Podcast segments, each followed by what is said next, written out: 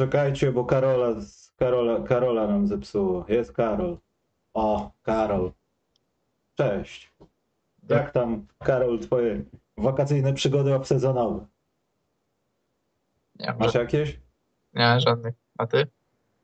Mm, jeszcze nie, ale na przykład metrem się zamierzam przejechać, bo mi wybudowali pod domem, Karol.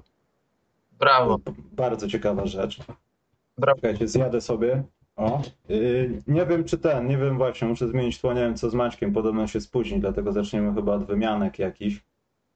Yy, I to będzie jedno wielkie rozczarowanie chyba, Karol, moim zdaniem, bo się jak co off-season robimy sobie jakieś nadzieje, a tam się nic nie stało ważnego w zasadzie. Czy stało się, Karol, właśnie? Czy odbierasz Rudiego Goberta, że to się stało coś ważnego? Bo ja absolutnie nie.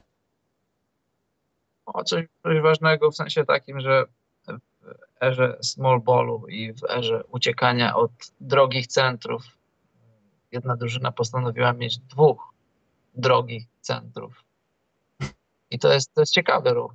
Ja, ja, tego ruchu nie potępiam tak, tak od razu. Ja też nie potępiam, ale nie uważam, żeby to był jakiś taki ruch, który sprawi już z miejsca, wiedząc, wiemy kim jest Rudy Gobert, że sprawi z miejsca, że Minnesota będzie znacznie, znacznie lepsza. Ja też roszczę sobie jakieś tam e, fantazje w mózgu, że Rudy Gobert, że w Paint będzie tak tam zabudowane, że oni nie dadzą sobie nic tam zrobić.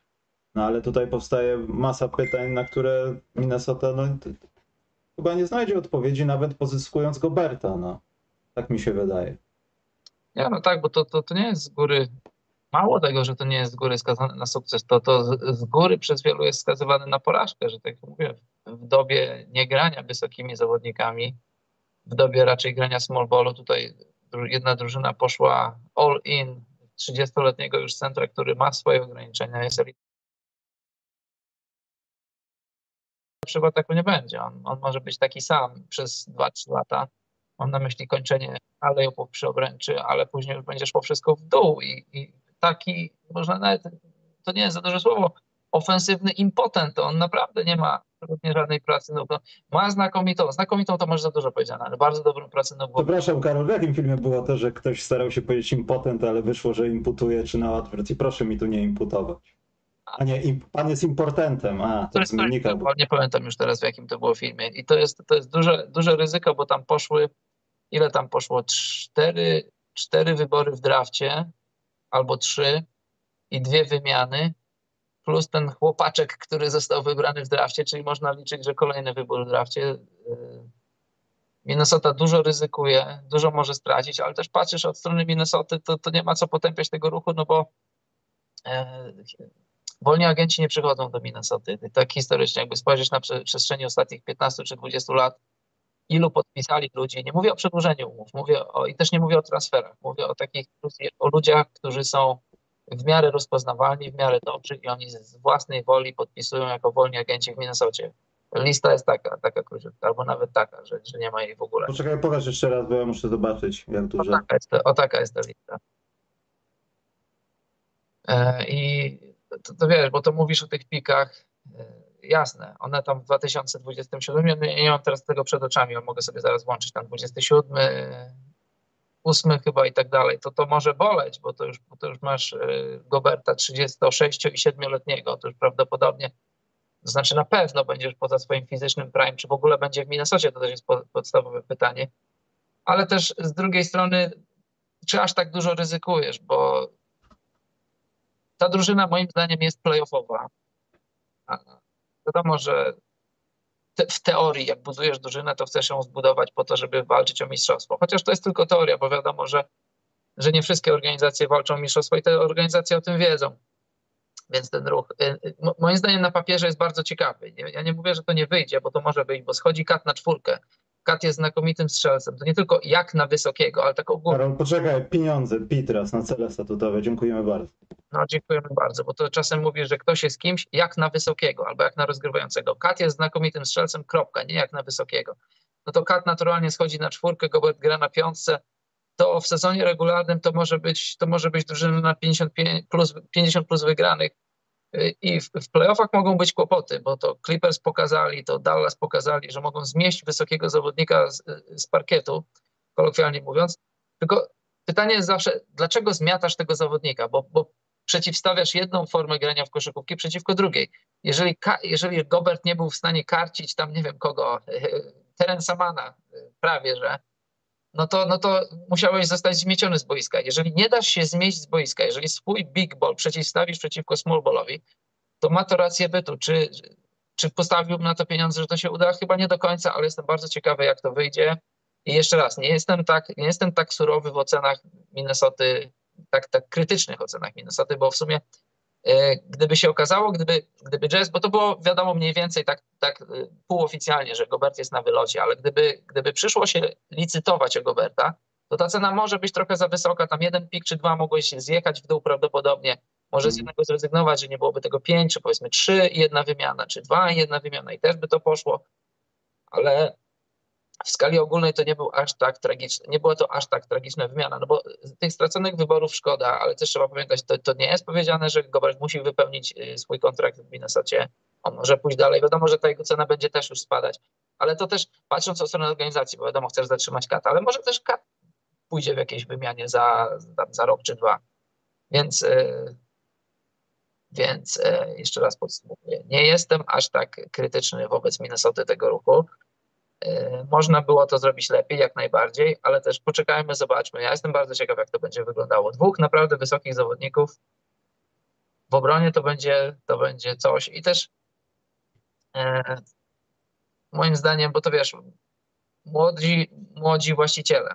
To jest taki kazus młodych właścicieli. Jak pan Prochorow wchodził do NBA, wchodzi do NBA i ci się wydaje, że tak, tu my już wszystko, w ciągu dwóch, trzech lat będziemy mistrzami. E, podatek od luksusu, tak, nie ma problemu, mamy pieniądze. Później mija rok, dwa, myśli sobie, a nie, jednak to jest ciężko, jednak to jest trochę ciężko. I to jest taki moment, w którym e, ci starzy wyjadacze, jak dany Einstein, możesz, możesz złapać takiego, takiego właściciela i powiedzieć, ty, słuchaj, my ci dodamy Goberta, dasz nam to, i to. Ej, fajnie, zróbmy to. Później mija rok, dwa, zastanawiasz się, on nas chyba oszukał troszkę. Zobaczymy. Ale, ale Prochorow to myślę, że wiesz co, to, był, to jest zły przykład trochę, bo to był facet, który, no wiadomo, no, e, ruski oligarcha, tak możemy go nazwać wtedy? Musimy nawet. E, który w zasadzie jest, no, trochę nie przejdziemy przez gardło to słowo, ale dajmy na to biznesmenem i on wkracza do świata sportu zawodowego po swoich doświadczeniach chyba wtedy już z Chelsea, nie chcę skłamać. E, już tam nie dosz w Chelsea to był pan, pan Roman Abramowicz. Abramowicz, a Prochorow nie miał żadnego w lidze angielskiej? Coś mi się kojarzy, że on miał coś. Dobrze, nieważne. Nawet jeśli nie, on po prostu zrobił ruch, jaki robisz, kiedy masz dużo pieniędzy. Ktoś ci mówi, słuchaj, jest drużyna do wzięcia, wydaje pieniądze i, i w zasadzie on był od wydawania pieniędzy, a nie od tego, że on się znał na koszykówce. Wysyłał tą swoją yy, Pitras chyba dostał 500+. Plus zaraz zerknę na to pytanie, albo będzie pytanko, wiesz, bo teraz yy, nie przeczytam i zapomnę, co chciałem powiedzieć, że był bardziej biznesmenem do wydawania pieniędzy i ewentualnie ich wyprania. A tutaj trzeba, za, trzeba podejmować decyzje już nie finansowe. I myślę, że to jest podstawowa różnica trochę, aczkolwiek finał może być ten sam, bo nie ma różnicy, jak wydajesz pieniądze, z jakiego punktu, czy jesteś biznesmenem, czy sportowym biznesmenem. Yy, zawsze możesz topić i pan Prochorow y, to zrobił, pokazał jak to robić. Pamiętam, byliśmy w Londynie z Kosmą Zatorskim na, na meczu Brooklynu, nie pamiętam z kim, z Atlantą. I mieliśmy hmm. pytanie, jakieś pytanie mieliśmy, Kosma miał pytanie do Kevina Garneta, coś właśnie to py, pytanie kontraktowo tego typu, finansowe. I zapytał się KG o coś, a KG do niego mówi ask Billy, Billy King, pamiętasz? Billy King miał zielone światło, Billy King i Bobby Marks, Bobby Marks, który teraz jest, jest no, insiderem w ESPN. Oni wtedy pracowali we front office Brooklynu i oni są krytykowani ze wszystkich stron za te różne te, za te różne ruchy, szczególnie te wymiany z Bostonem, ale to, to, to, moim zdaniem to jest trochę, nie, to jest trochę nie, niesprawiedliwe, no bo jeżeli dostajesz od właściciela zielone światło na wydawanie pieniędzy, zbudujcie nam drużynę, która w ciągu nie tylko dwóch czy trzech, w ciągu roku, dwóch maksymalnie zdobędzie tytuł, no to to robisz idziesz do pana Prochorowa, pytasz, ej, ten kontrakt będzie kosztował tyle, plus podatek od luksusu to będzie tyle. Stać nas? Tak, stać nas, robimy to. No to robimy. I tak to, tak to wyglądało przez parę lat na Brooklynie. Dobrze łączę z tym, co jest w czwartej gęstości, Karol.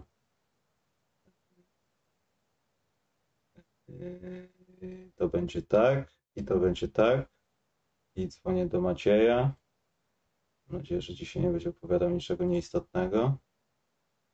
Czekajcie.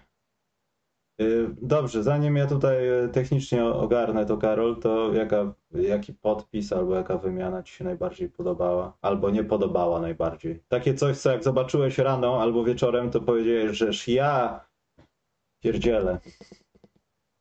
Czy ja wiem, żadna raczej. Żadna? Może, może ten ruch y, Jamesa Hardena, bo to też trzeba. Okej, okay, zacznijmy od tego, jak to było. James Harden miał opcję na 47 milionów. W opcję nie wszedł. E, Zgodził się na ile? 32, szedł z 15. Zgodził się na 1 plus 1, 60, 67 chyba, 32 i 35.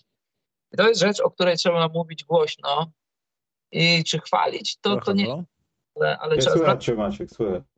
trzeba zwrócić na to uwagę, bo to, to jest rzecz, która w zawodowym sporcie nie, nie dzieje się za często, że człowiek dobrowolnie rezygnuje z pieniędzy, wielkich pieniędzy, 15 milionów dolarów to jest, to jest dużo pieniędzy i, i w zasadzie on stawia na szali, ja tak sobie taki, taki krótki rachunek zrobiłem dosyć szybki, to, to w zasadzie to może być około 100 milionów dolarów, tak może po prostu oddać, bo jeżeli prawdą jest to, co, to, co te, te dochodzą do nas informacje, że James Harden wziął się w garść i zaczął ostro trenować tego lata i, i chce z super formą przyjść do, do tego sezonu. To jeżeli ten sezon zagra na poziomie takiej powiedzmy trzeciej, piątki All NBA, to on te pieniądze może odzyskać, bo dostanie nowy czteroletni kontrakt czy pięcioletni od Filadelfii czy od kogoś innego, bo będzie dużo więcej drużyn, które będą miały cap space, to teoretycznie jest w stanie pieniądze odzyskać. Ale zakładając, że, że, że ten zjazd formy z tego sezonu zakończonego ostatnio, to jest, to jest nowa prawidłowość, jeżeli dalej będzie schodził z formą, to, to nikt już nie podpisze za takie pieniądze. To on być może teraz nie tylko z 15 milionów dolarów zrezygnował, ale, ale może nawet grubo ponad 100, licząc, że mógł podpisać za 275 lat. No to, to jest... Yy, warto o tym mówić. To jest wielka rzecz, która w sporcie się nie zdarza. Zrobił to po to, żeby można było podpisać PJ, PJ. Czyli PJ Atakera obecność w Filadelfii przesuwa ich w stronę tytułu. No na pewno nie oddala, czy przybliża, no może trochę przybliża. Więc no, duża rzecz, o której warto mówić, ale też mając na, na drugiej osi, na, po, po, po przeciwnej stronie tego wszystkiego Damiana Lillarda, który zgodził się na swojego maksa, dwuletnie, dwuletnie przedłużenie, które A to dopiero... dziwne jest, a to dziwne jest. To jest bardzo dziwne, bo dopiero to wchodzi, za, dopiero wchodzi w życie za trzy lata. To jeszcze mogli z tym czekać długo, ale takie w wymiarze takim symbolicznym fajna rzecz. I też wiesz, tutaj możesz wyciągać takie prawidłowości, że jeżeli Harden zrezygnował z pieniędzy, to dlaczego Lillard nie, nie wziął trochę mniej, dlaczego nie chce robić tego trochę inaczej. To też nie tędy droga i też nie o to chodzi, bo też nie oczekujmy od tego, żeby, nie oczekujmy od zawodników, żeby nie brali pieniędzy, kiedy mogą brać pieniądze, bo to jest zawsze pojedynek milionerów z miliarderami. Te pieniądze, nawet jeżeli z poziomu sportowego wyglądają źle, to one zawsze się sprzedają. Nawet ten niedobry kontrakt Westbrooka, on się, on się finansowo on się sprzedał. Sprzedajesz koszulki, sprzedajesz bilety. Nigdy, nigdy właściciele nie tracą na swoich zawodnikach finansowo. Tracą sportowo, tracą, tracą w jakiś inny sposób, ale nigdy nie tracą finansowo. Więc nie, nie idźmy w ten trend, że, że to fajnie robią zawodnicy, jak, jak rezygnują z pieniędzy. Jeżeli jest taka jest ich dobra wola, to niech to robią, ale, ale nie oczekujmy tego od nich. Nie idźmy tą drogą, Sabo. To zabawne, że Maciek nie wie, że jest wideo i możemy podziwiać, jak, jak wygląda, kiedy nie wie, że jest wideo. Maciek, widać cię od, od początku. Wiem, że mnie widać, ale już stwierdziłem, że Karol po prostu nie przestanie mówić, więc już zacząłem się tutaj za rozrywkami rozglądać. Karol się po prostu poczuł, tak jak z tobą w ostatnich kilku programach, więc nie obwiniaj go.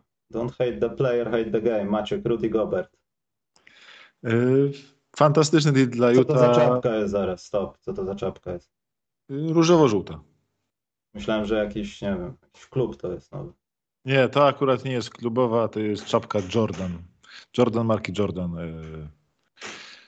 Nie ja kupowałem.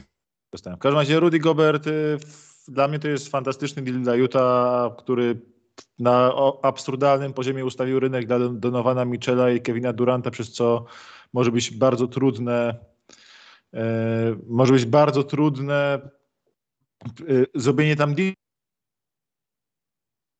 za takie pieniądze, to trud, trudno sobie wyobrazić, za jakie pieniądze, za, jak, za jaką wartość pójdzie Donovan Mitchell, za jaką wartość pójdzie Kevin Durant, tak? To jest taki deal, taki e, market setter, tak? E, I to jest ten problem dla mnie, że wina Rudiego jest taka, winą, winą Jazz jest to, winą Minnesota jest to, że teraz mamy takie długie negocjacje z Durantem i mogą potrwać jeszcze parę lat i z Mitchellem, które się też przeciągały przez jakiś czas, tak? Tutaj, a dla Minnesota dla mnie ten deal jest fatalny po prostu, ale to jest moja opinia.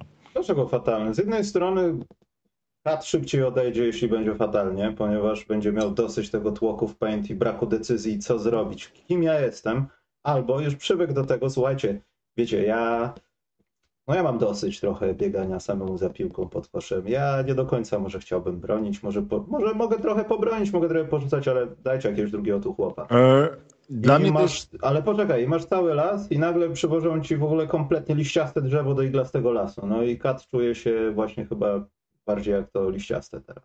Wiesz co, z mojego punktu widzenia to jest tak, że masz e, gościa, który, e, jak mówią bardzo często menedżerowie, że oni nie chcą robić żadnych e, dróg na skróty, nie chcą robić. Nie chcą iść na skróty w żadnym momencie, że są, chcą się upewnić, że wszystkie małe kroki po drodze do bycia rzetelnym zespołem, bardzo dobrym zespołem zrobią i nie będą prowadzić na skróty, jak skrócić te swoje ścieżki. I Minnesota przez nowych właścicieli, jak każdy zespół należący do nowych właścicieli, próbuje zrobić ten skrót, próbuje zrobić skrót do bycia kontenderem i oddali wszystko, co mają za niebycie dużo lepszymi, kiedy mogli pozwolić chociaż pół sezonu albo sezon dać e, temu zespołowi, który pokazał się bardzo fajnie w playoffach w zeszłym roku, zobaczyć, czy pójdzie krok do przodu, bo gdyby się e, Edwards rozwinął troszeczkę, to może by wcale nie potrzebowali Goberta. Oni nawet nie wiedzą, czy, według mnie nawet nie wiedzieli, czego potrzebują, robiąc ten, ten ruch po Goberta. Gdyby za rok się okazało teraz, że o, tu jest potrzebne coś więcej, to by wiedzieli, a teraz tak jak Lakers z Westbrookiem się pozbawili jakiejkolwiek elastyczności. Nie mają teraz możliwości robienia wymian, nie mają możliwości czegoś dokładania do wymian, nie mają asetów na przyszłość.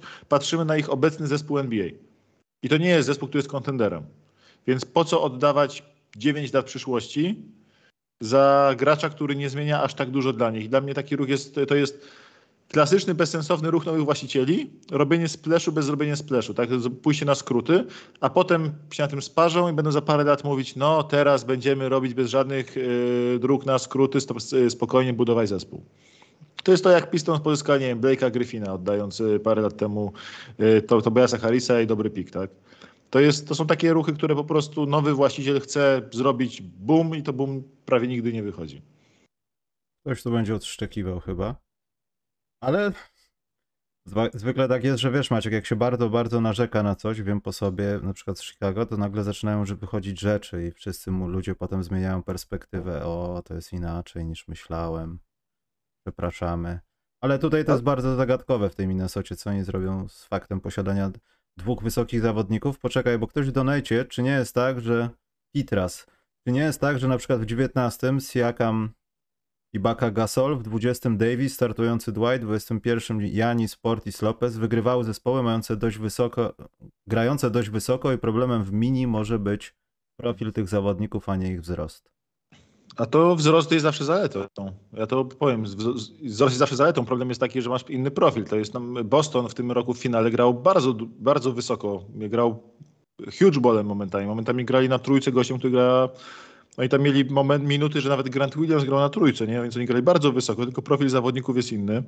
Yy, jak masz Ala Horforda, który był według statystyk zaawansowanych najlepszym obrońcą jeden na jeden w całych playoffach, to możesz sobie wychodzić nim na centrze, a i z, i z rogu kryć obręcz yy, Robertem Williamsem. Jak nie masz ani jednego supermobilnego gracza wśród tych dwóch wysokich, to nie może, to nie masz yy, jak bronić w playoffach w ważnych momentach, bo oni są jedną wielką tarczą teraz Towns z Gobertem, w którą zespoły będą walić w playoffach po prostu ile, ile będą miały siły. To nie jest tak, że masz Bruka Lopeza, który świetnie broni, broni i wszystkie niedoskonałości motoryczne Bruka Lopeza naprawia, na przykład tym słynnym y, Lopez switch, tak? Y, kiedy przed, y, przed pikiem jeszcze jest zmiana zawodnika kryjącego pika i przesunięcie Lopeza do rogu, albo kiedy jest Lopez ląduje na małym, to Janis błyskawicznie rotuje tak, że Lopez ma czas zrobić się cofnąć do obręczy. Tu nie masz zawodnika, który to nadrobi. Tu masz, tu masz y, na trójce masz y, Jaden McDanielsa, który może na trójce może grać, może, może nie móc. I dla mnie jakby zrobili fantastyczny ten jeden mały ruch, który zrobili z Kylem Andersonem. Idealnie pasował do tego zespołu. Po czym poszli na skróty tym ogromnym ruchem z Gobertem i według mnie ten zespół przestał mieć sens y, jako drużyna playoffowa. Po prostu masz dwóch centrów, którzy są obaj byli atakowani w, w ostatnich sezonach, kiedy grali w playoffach. Gobert jest atakowany od lat, rok w rok. Towns jest atakowany, był atakowany w tym sezonie, miał bardzo słabe mecze przez to niektóre, bo się nie był odnaleźć kryjąc czwórki, nie był się odnaleźć kryjąc centra jako y, główny obrońca pick and rolla, więc nie czuję tego, brakuje im też obrońcy na obwodzie, który byłby Patem Beverleyem, który by w point of defense bronił. Ten zespół z, z mającego bardzo duży sens i bardzo duży upside dla mnie, stał się zespołem, który jest po prostu bardzo drogi i bardzo średni. To tak samo jest, tutaj jest y, kryptoreklama, tak samo jest z ptysiem od Tarczyna, to nie jest ten sam komunistyczny ptyś. Nie kupujcie tego, to jest, to jest pomarańcza z grejpfrutem. Albo mój, mój 90, z lat 90 kubek smakowy kłamie, albo dobre porównanie to jest. Dobrze, co dalej? Yy, Karol. Tylko zgodę z Karolem szybciutko, z tymi pieniędzmi no. dla zawodników. Niech zawodnicy biorą to, co się im daje. Niech biorą to, co się im daje. Jak im daje Portland pieniądze, to Portland już zarobiło na Lillardzie, będzie zarabiało, jakby zarabiał 70 milionów rocznie, będzie zarabiało w 2026 na jego kontrakcie. Tak samo jak Lakers zarobili 4 razy więcej niż dali Kobiemu ten niby głupi kontrakt. To był niby głupi kontrakt, a tak naprawdę Lakers zarobili na nim 4 razy więcej w tych jego ostatnich sezonach niż te 28 milionów, które mu dawali, tak, czy 27. Na Lillardzie będą Portland zarabiali, to będzie 3 czwarte ich sprzedaży biletów, to będzie Lillard. Nawet, stary, nawet jeśli to będzie stary Lillard w gównianym zespole. Ale to chyba zawsze była taka zasada, bierz co dają i uciekaj, no. Taki Bradley na... On nie potrzebował kombinatoryki, jak chce jakichś większych celi, nie wiem, wymyślcie Golden State Warriors 2-0 zróbmy sobie. Nie, no, dobra, jest... dajcie mi ćwierć miliarda dolarów na 5 lat, nie problem. Bardziej, bardziej niż pieniądze chodzi o, o, narrację taką, że zawodnik, który tam zostawił na stole parę milionów, to, to, to jest wielki filantrop, a ten, który do, mógł mieć maksa i poszedł po maksa, to jest, to jest... A nie, stop Karol, nie zgodzę się, bo Harden już chyba nie jest filantropem. Harden jest chyba w takim położeniu, że to już jest muszę robić cokolwiek, y, bo ta grupa ludzi, bo ja chcę w końcu wygrywać, a nie znowu się kokosić, że ten mi da tyle, będzie buyout, pójdę za jedną trzecią cenę do innego klubu, będę dostawał od dwóch krów pieniądze. Słuchaj, ale dlaczego muszę robić cokolwiek? Bo to jest to, co my teraz mówimy, że zawodnik przychodzi, przychodzi no wiesz, ma 30 lat, 32 i nagle musi zacząć, musi spieszyć do zdobywania tytułu. To jest narracja ostatnich, nie wiem, 8-10 lat amerykańskich mediów, że zawodnikowi musi się spieszyć do zarobienia tytułu.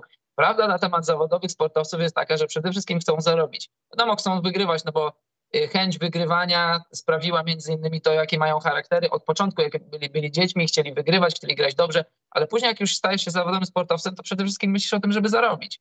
To jest, to jest mit powielany przez amerykańskie media, że jak już masz lat 32, 33, to, to, to może wezmę mniej, może pójdę gdzieś z kimś wygrywać. Wygrywanie jest drugorzędną sprawą dla większości zawodowych sportowców. Może tam nie jest top, top 6, top 8, którzy mają tam drugie tyle albo jeszcze więcej spoza koszykówki czy spoza sportu, który uprawiają, a dużo mają z różnych tam reklam i innych rzeczy, ale przede wszystkim chcą zarobić. Taka jest. Taka... Ale Karol, to ja się...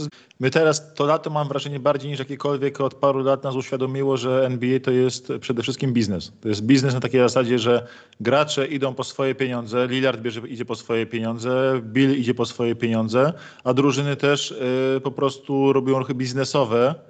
Tak samo jak nawet Minnesota chciała po prostu rozkręcić hype dookoła swojej drużyny. Jak y, Portland dali ten kontrakt Lillarda, który sportowo raczej ma małe szanse się obronić, ale biznesowo się obroni na pewno. Nawet Wizards dali się, stali, stali, sami stali się zakładnikiem Billa po to, żeby takiego swojego Lillarda kreować, mimo że to jest niższa półka sportowa, ale znowu to jest tylko biznes. I NBA to jest na koniec tylko biznes, to jest sport zawodowy, gdzie zawodowy jest dużo ważniejszą częścią niż sport, tak naprawdę, tak na koniec patrząc, bo wszyscy mają z tego zarabiać, ma, produkt ma się sprzedawać i to ma po prostu być y, finansowo opłacalne, a to, że kibice potem na tym czasem cierpią i tak dalej, no to jest y, drugorzędne tak naprawdę, jeśli się wszystko broni. Ja tak swoją drogą myślę z Hardenem, że mógł do niego przyjść jego menedżer i powiedzieć mu, słuchaj, czy dałbyś 15 milionów dolarów na jakieś fundacje, żeby naprawić swój wizerunek marketingowy? Jeśli, jeśli tak, to możemy zejść, zejść z twojego kontraktu, albo tak mu to Morey sprzedał. Poprawisz swój PR, poprawisz swój marketing i dzięki temu będziesz miał lepsze kontrakty poza, poza, poza klubem. Bardzo możliwe, że Harden dlatego ustąpił z tą kasą, a nie dlatego, że chciał być takim wielkim filantropem i ściągnąć PJ'a Tuckera, który jest już ćwierć PJ'em Tuckerem. Mm, zgadzam się i się nie zgadzam, bo jeszcze w tak trochę w środku wierzę w to, że jest jakaś grupa zawodników, którzy się kompletnie nie liczą z tym, co Karol powiedział, że dobra, jak będzie już ten ostatnia, ostatnia linia wypłaszczania się mojego już w karierze Carmelo, to pójdę gdziekolwiek do kolegów, żeby chociaż powalczyć o tytuł.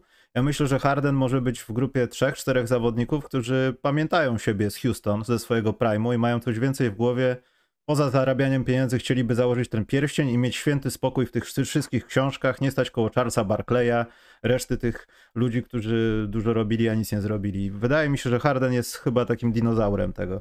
Ale Być, ale też wybrał kasę. No co, to, to tak jak się ostatnie 4 czy 5 lat Vince'a Cartera się mówiło, idź do Warriors, idź do San Antonio, idź gdzieś tam.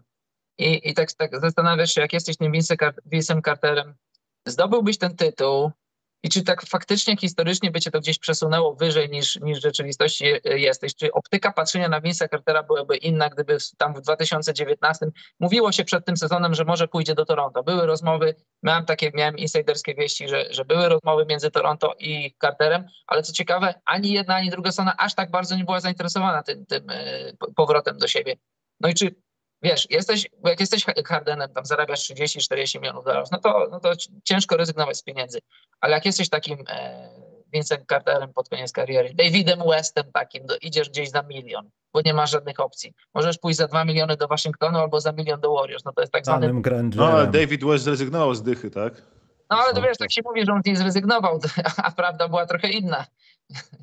A, no, nieważne zresztą, no i to, to wiesz, jak im starczy, nie masz opcji, no to jak masz dwie opcje, w której, z, z której jedna jest kontender, a druga drużyna loteryjna, no to idziesz do kontendera za podobne pieniądze. Ale, ale generalnie, no, najlepszy przykład jest Kyrie. Miał opcję na 37 milionów i wszyscy mówili, jeśli ktoś ma z tego zrezygnować i pójść za jakiś mid-level exception, to będzie Kyrie. Nawet taki filozof jak Kyrie nie, nie zrezygnował z pieniędzy. Pieniądze to są pieniądze. Ale Vince zapisał się w historii NBA, a Harden będzie. O, kolejna kartka.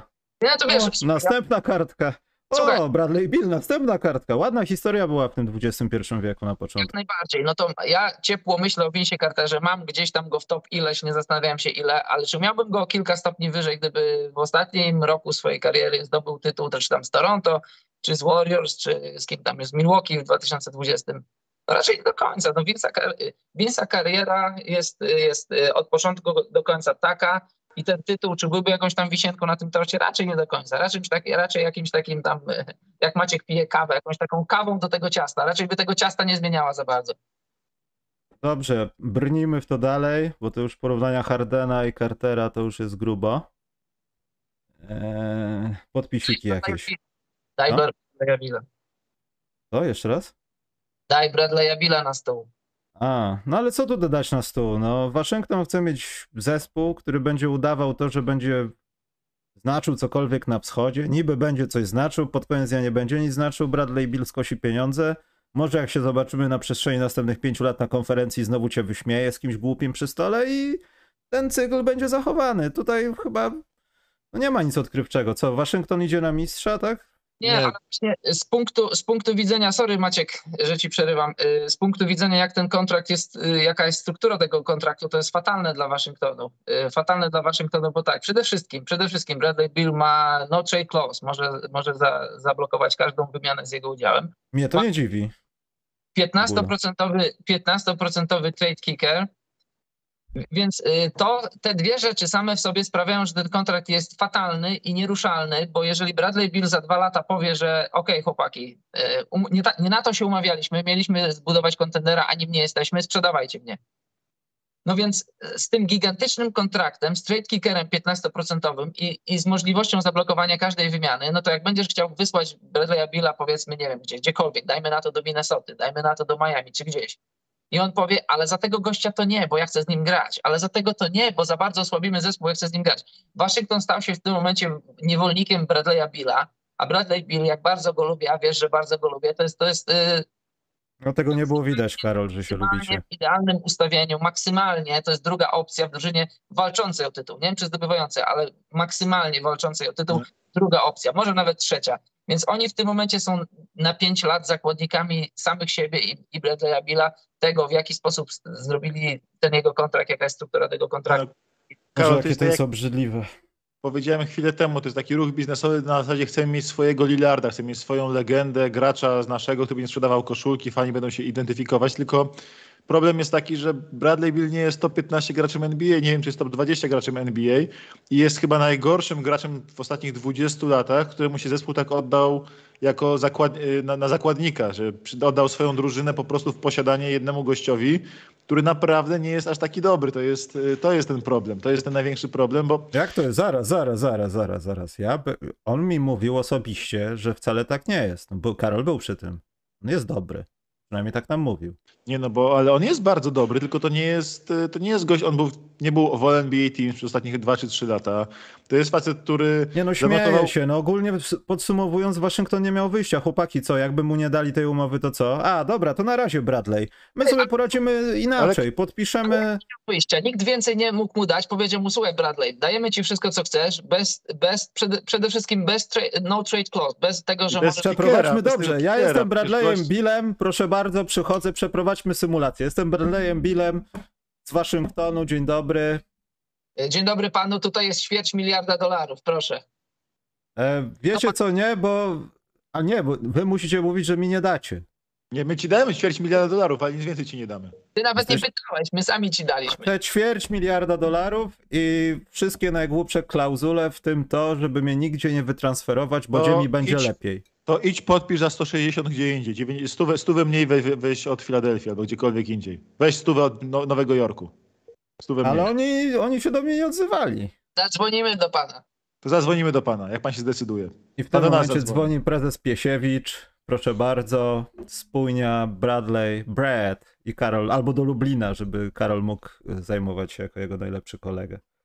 Nie no, śmieję się, ale bardziej chodzi mi o to, że co, wyobrażacie sobie, żeby ta stagnacja w niepodpisywaniu tego kontraktu trwała tak długo, aż któraś strona by powiedziała, wiecie Nie, co, macie rację? Jestem przekonany, że Bradley Bill by podpisał te ćwierć miliarda, miliarda dolarów tak czy siak. Nie Oczywiście. musiał dostawać player option, nie musiał dostawać e, no trade clause i nie musiał dostawać trade kickera bez, bez jaj.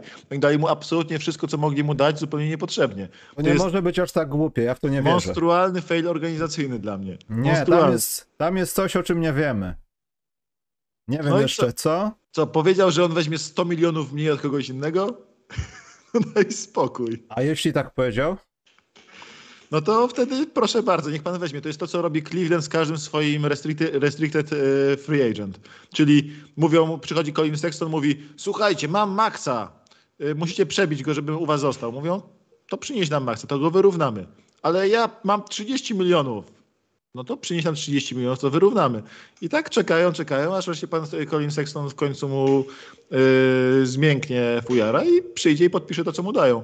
I tak samo generalnie z Bradleyem Billem można było. Bill nie miał opcji na ni- nic lepszego, nawet nic choć trochę zbliżonego. Wystarczyło mu dawać bez tego t- t- trade kickera i no trade clause. Nawet niech ma tą opcję w piątym roku kontraktu. Wytransferować go i tyle. A teraz tam się go nie da, nic, nie da się z nim nic zrobić. Przez 5 lat kontroluje organizację. Ale to nie jest nic dziwnego. On kontroluje organizację od kiedy był razem ze swoim kolegą, który kontrolował organizację. Także mnie to akurat nie dziwi. To jest smutne, ale to nie jest dziwne. On kontroluje organizację, a jego kontroluje jego żona. To jak Polecam- każdego z nas, Karol, jak każdego z nas. Nie, macie obejrzyj kanał na YouTubie, zobaczysz jak jego żona do niego mówi brat, zrób to, zrób tamto. To jest naprawdę fatalne. Ja nie wiem jak ten chłopak wychodzi na boisko po tym wszystkim. Naprawdę to Michał, jest, Michał, my, my wszyscy udajemy, że tak nie jest u nas w domach, ale tylko możemy sobie udawać. z mojej wiedzy to nawet 20% tak źle nie jest jak u niego. Chicago Bulls. Przejdźmy do najlepszego klubu w historii podpisywania. Jestem zadowolony z jednego podpisu tylko i wyłącznie. Andre Drummond. Nie, Goran Dragic. Że ewentualnie w styczniu będę mógł zrobić sobie zdjęcie z europejskim zawodnikiem, jeśli jeszcze się nie połamie albo go nie wyrzucą. Z reszty wolałbym nie komentować. Zaklawin, po Zrobiłem co? W zeszłym tygodniu. Słucham? Zrobiłem sobie zdjęcie z Dragiczem w zeszłym tygodniu. Oj, rozpętałeś burzę, jeśli chodzi o koniec jego kariery w lodowiskach kadry. Natomiast Mi się- Zaklawin, 5 lat, 215 milionów dolarów. To Mi się nazywa... podoba, co powiedział Lawin, nie wiem czy słyszałeś, że wyszedł i powiedział, czy widziałeś się z innymi zespołami? A On mówi, nie, spotkałem się najpierw z Bulls, dali mi absolutnie wszystko, czego mogłem tylko chcieć, więc nawet nie było sensu, żebym negocjował z kimkolwiek innym.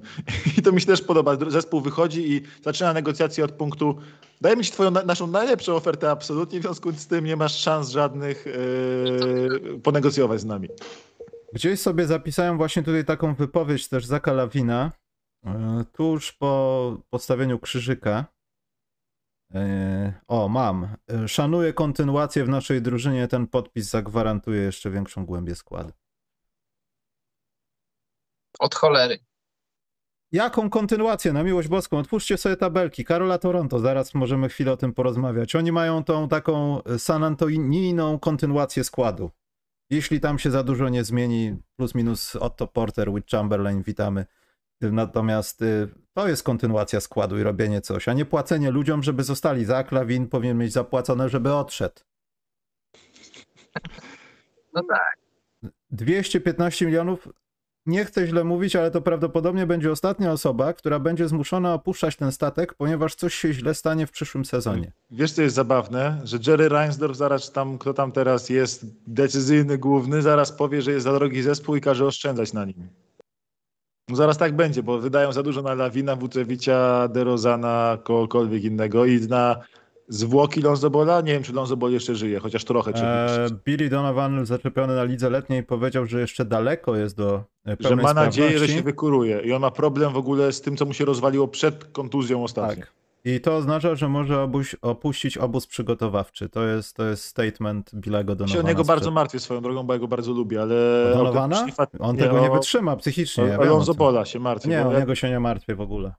go lubię, ale on coś tam bardzo poważnie jest nie tak z jego zdrowiem.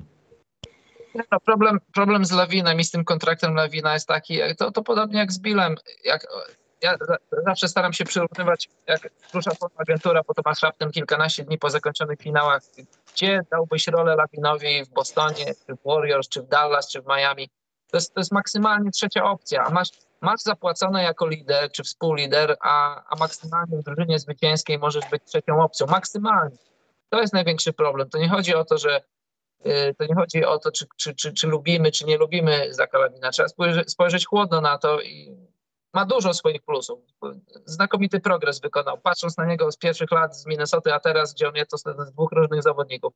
Ale jak masz tak zapłacone, to, to pieniądze sugerowałyby, że możesz być liderem zwycięskiej drużyny, a, tak, a prawda taka nie jest. To jest maksymalnie, maksymalnie druga runda, bo masz DeRozana, to też maksymalnie drugie, trzecie skrzypce w zwycięskiej drużynie. Bucewicz to samo. To masz takie trzy dosyć silne, drugie, trzecie opcje, a nie masz lidera. To jest drużyna taka na, na pierwszą rundę playoffów i odpadnięcie z jakimś Milwaukee albo przejście jakiejś Atlanty i przegranie później w drugiej rundzie. To jest mak- Minnesota Wschodu. no, Minnesota, Minnesota Wschodu. coś takiego. Moment, kto to, kto to powiedział Minnesota Wschodu? Ja. Karnie, zabieram ci Maciek obraz. Zaraz jedni z drugimi Nie będą... będziecie widać do końca programu, mnie to nie Ale interesuje. Ja rozumiem obrażać się, wschodzie, ale żeby aż spokojnie. tak, na miłość boską, no. Jakieś takie, naprawdę, jak po mamie. Warunkowo wracam ci z wizją, ale tylko warunkowo, Maciek, do następnego fuck-upu. To chciałem powiedzieć, y, Chicago Bulls jest gorzej niż Minnesota Wschodu, ponieważ oni podpisując sobie takiego Andre Dramonta, a Dramonda chcą sobie nie wiem, stworzyć obraz, że wzmacniamy drużynę, tutaj jest pewność, patrzcie, podpisujemy zawodników. Goran Dragic będzie prowadził piłkę. Co ze świetnym Kobe White'em? Przecież on trochę umie kozłować. Podpiszmy więcej niskich zawodników. Weźmy sobie najlepiej rozgrywającego Ej, w drafcie Michał, z długimi rękoma. Ale spokojnie, wyluzuj. Dalen Terry zagrał wreszcie przyzwoity mecz letniej. Liga letnia to wiesz, co ma wspólnego z Ale ty masz, masz, masz, ten, masz coś na plus, możesz się cieszyć. Zagrał przyzwoity mecz. Nie zrobił 11 strat w jednym meczu. Spokojnie. To chciałem powiedzieć, zmieniając w ten sposób i robiąc w ten sposób off-season, Chicago nawet może być gorszym dzięki temu, co zrobiło albo czego nie zrobiło przeciwko potentatom, bo znowu będzie łojonko 16-0 z czwórką wschodu. Dziękuję, skończyłem żałosny temat Chicago Bulls. No ale wiesz, Dramont, Dramont to akurat nie jest problem, bo to jest dwa razy, sześć, to jest dwa razy trzy, sześć milionów. To, to, Nie, Karol, ja nie mówię o pieniądzach, mówię o tym, co to daje drużynie. No. Co Ramon to będzie się zaraz awanturował o to, że ma za mało roli w drużynie, jak już się awanturował w Nets po kilku spotkaniach dosłownie, że halo, gdzie moja piłka, gdzie moja rola, ja tu już nie, nie będę grał zaraz i tak dalej. I on zaraz będzie to samo robił w Bulls, że czemu Wucewicz gra przede mną, o co chodzi? Masz jeszcze Patryka Williamsa, który jest jeszcze trochę niezidentyf- niezidentyfikowanym ob- e, obiektem latającym. I też nie wiesz, czy on tam na przykład nie będzie wolał być w miejscach, gdzie jest Dramont. Wiadomo, może nie będą razem na boisku, bo to będzie głęboka ława, no ale Chicago wy lepiej zbierajcie na węgiel w tym roku, a nie, nie płaćcie graczom, bo to będzie naprawdę Niech się ocieplą, stulecia. niech się ocieplą datem jeszcze. Zima stulecia. cieplajcie domy. Dobrze. To teraz stawiam pytanie, co jest bardziej żałosne, Nowy Jork czy Utah? I czy ta żałosność w końcu połączy się tym cudownym transferem? Ale czemu żałosny? Utah robi fantastyczny ruch w tym momencie dla mnie. To jest to, co Utah zrobiło ze swoim e, zespołem. Teraz Danny Ainge słynie z tego, że na miejscu Bostonu byłem zdenerwowany, że gość, który poszedł na emeryturę po pół roku później wypłynął nagle w Utah, w Utah Jazz u swojego przyjaciela, ale Utah zrobiło ruchy fantastyczne. Danny Ainge albo po wszystko, albo jest y, sobie słaby. On nie ma tak, że on jest, zadowala się średniactwem, jak bardzo wielu, wielu GM-ów w tej lidze. Dostał w Utah zielone światło na zrobienie porządku, że tak powiem. No i ruch Goberta fantastyczny. Jeśli teraz mu się uda razem z Mitchellem zrzucić jakiś duży kontrakt, na przykład jeśli uda mu się naciągnąć, nie wiem, Nowy Jork na przyjęcie Conleya albo na upchnięcie gdzieś Conleya, to w ogóle bajka dla nich. No i tam wyzerują ten skład po prostu, zrobią totalną rozpierduchę i będą się stopni spokojnie budowali, będą w wyścigu po Wembajamę, będą w wyścigu po skutach Hendersona i za parę lat znowu wrócą. No, według mnie to jest dobra droga, a nie takie średniactwo wieczne ala Indiana Pacers czy, czy coś w tym stylu, tak? Więc niech, niech się budują. Dla mnie Utah jest w porządku. Tam trzeba było zrobić porządek, ten, ten, ten ruch. Y, nie wiem, po co była ta zasłona dymna z Donowanym Michelem, skoro mogli od początku nim handlować, a teraz... No właśnie, ja chciałem od tego zacząć, czy to była zasłona dymna, czy trzeba szukać czegoś, co stało się w ciągu dwóch tygodni, bo było zapieranie się tak jak no nie wiem, jesteś pierwszy raz na skokach spadochronowych i Jota zapiera się nogami, rękoma, ten instruktor cię pcha, no skacz, stary, skacz, bo za to zapłaciłeś, skacz, nie. Ja nie wyjdę. Wiesz co? Miałeś... nagle teraz, dobra, pach, ciągną za sznurek Donovan, do Nowego Jorku proszę bardzo, Torby Ale miałeś takie raporty już zaraz po tradzie Goberta, że to znaczy, w sensie Brian Windhorst od razu po tradzie Roysa O'Neilla paluszkami pokazywał, że zaraz tutaj będzie więcej się działo. Ale y, takie raporty, które były po tym dealu Goberta, że Michela może dopiero na trade deadline wymieni y, Utah, to była bzdura. Na trade deadline takich dużych ruchów się nie robi. To było wiadomo, że to będzie w off-season się działo i prawdopodobnie wszyscy wiedzieli, że Utah prędzej czy później będzie jeszcze tego lata handlowało Michelem. I podejrzewam, były takie plotki, że jest blisko bardzo dealu, w którym y, Mitchell idzie do Nets, do Phoenix idzie Duranta, do Utah idzie Ayton. Tam najwyraźniej coś nie wyszło i dlatego Utah zaczął handlować z innymi drużynami. Tak podejrzewam, że to jest wszystko, co się wydarzyło. Czyli tankownia? No tak, niech tankują i bardzo dobrze. Raz na, w ich przypadku raz na 20 lat trzeba. No.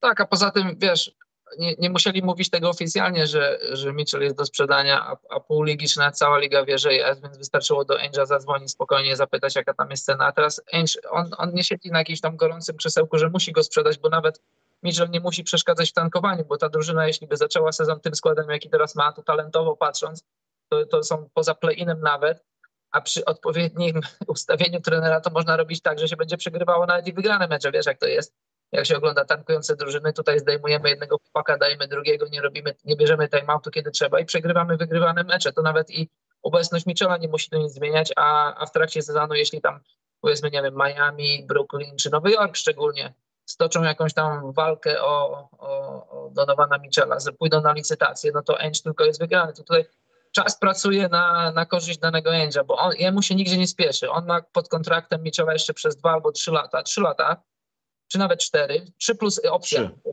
No, trzy lata plus opcja Michela. No to ma trzy lata, to spokojnie. Ja myślę, że najpóźniej, najpóźniej, najpóźniej przyszła wakacja, myślę, że w trakcie tego sezonu, w trakcie tego sezonu. A ja myślę, że w ciągu tego tygodnia. Później. Ja tak. myślę, że to się naprawdę stanie z Nix. Mało tego, to się stanie z Nix przy użyciu yy, kolegi Zajona. Jeśli pójdzie za... Barrett, to się będę tak śmiał, że jej Jeśli pójdzie kolega Zajona, to będzie oznaczało, kim jest Barrett w ogóle we wszechświecie. No, to, to będzie, jest? Kim, kim, by... są, kim są Nowojorczycy, bo zobaczcie... Nikim, oni... to wiadomo, no Karol, oni są nikim, no podpisując z Bronsonem i jeszcze starając się iść po Michela i jeśli im się to uda... Właśnie, bo zobaczcie, jako to nie jedna... ma sensu jako jedna z niewielu organizacji, ona ma, ona ma bardzo dużo pików teraz. Nowojorczycy, jeśli by chcieli, to oni mają taki pakiet, że mają chyba pięć swoich pięć swoich, dwa cudze, siedem albo osiem mają osiem, nawet. Osiem mogą oddać pierwszych rund bez swapów. Prestige Starter Pack. Wiesz, to nie będzie, to nie będzie żaden szok, bo to, to, jest historia Nowego Jorku ostatnich 25 lat. Że ta Leon Rose powie nie, nie dajemy, a przyjdzie, przyjdzie właściciel i powie nie, nie, nie, sorry, dajemy, dajemy wszystko. Nie, no tak, to tak właśnie o to chodzi. Później O. no, wiesz, budujesz z Bronsonem i, i z Michelem w backcourcie, masz Randla i masz Robinsona i dokąd, dokąd cię to prowadzi? No donikąd, jesteś nigdzie. Jesteś, jesteś gorzej niż Minnesota, bo chociaż, o nie wiem, szkoda gadać nawet. Wiesz to, ja e, bardzo mam duży szacunek do ludzi, którzy grają w NBA, a są mniej więcej mojego wzrostu. Donovan Mitchell może jest ode mnie centymetr wyższy, no wiadomo, że trochę wyżej skacze, ale, ale budowanie na Bronsonie i na, na, na Mitchellu w backcourcie jako drużynie, która ma być kimś, to, to, to ma gliniane nogi. Obaj Ale mają, obaj mają me, Don, 185 call me. wzrostu max. To jest takie... Tak.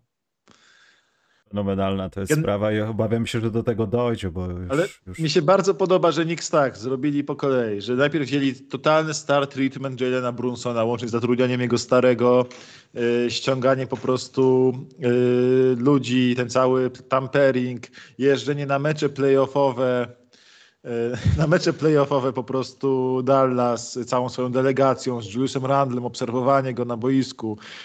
To cała ta taka jego, wiesz, to, że jego, że syn, że syn y, menedżera Nowego Jorku, jest agentem Brunsona, że jego stary pracuje w Nowym Jorku. Taki, taki mało którą gwiazdę tak się traktuje, jak Nowy Jork traktuje Jalena Brunsona, który jest super zawodnikiem, zawodnikiem i to nie może być nawet taki, nie musi być taki zły kontrakt, ale zachowali się po prostu jakby szli po super gwiazdę.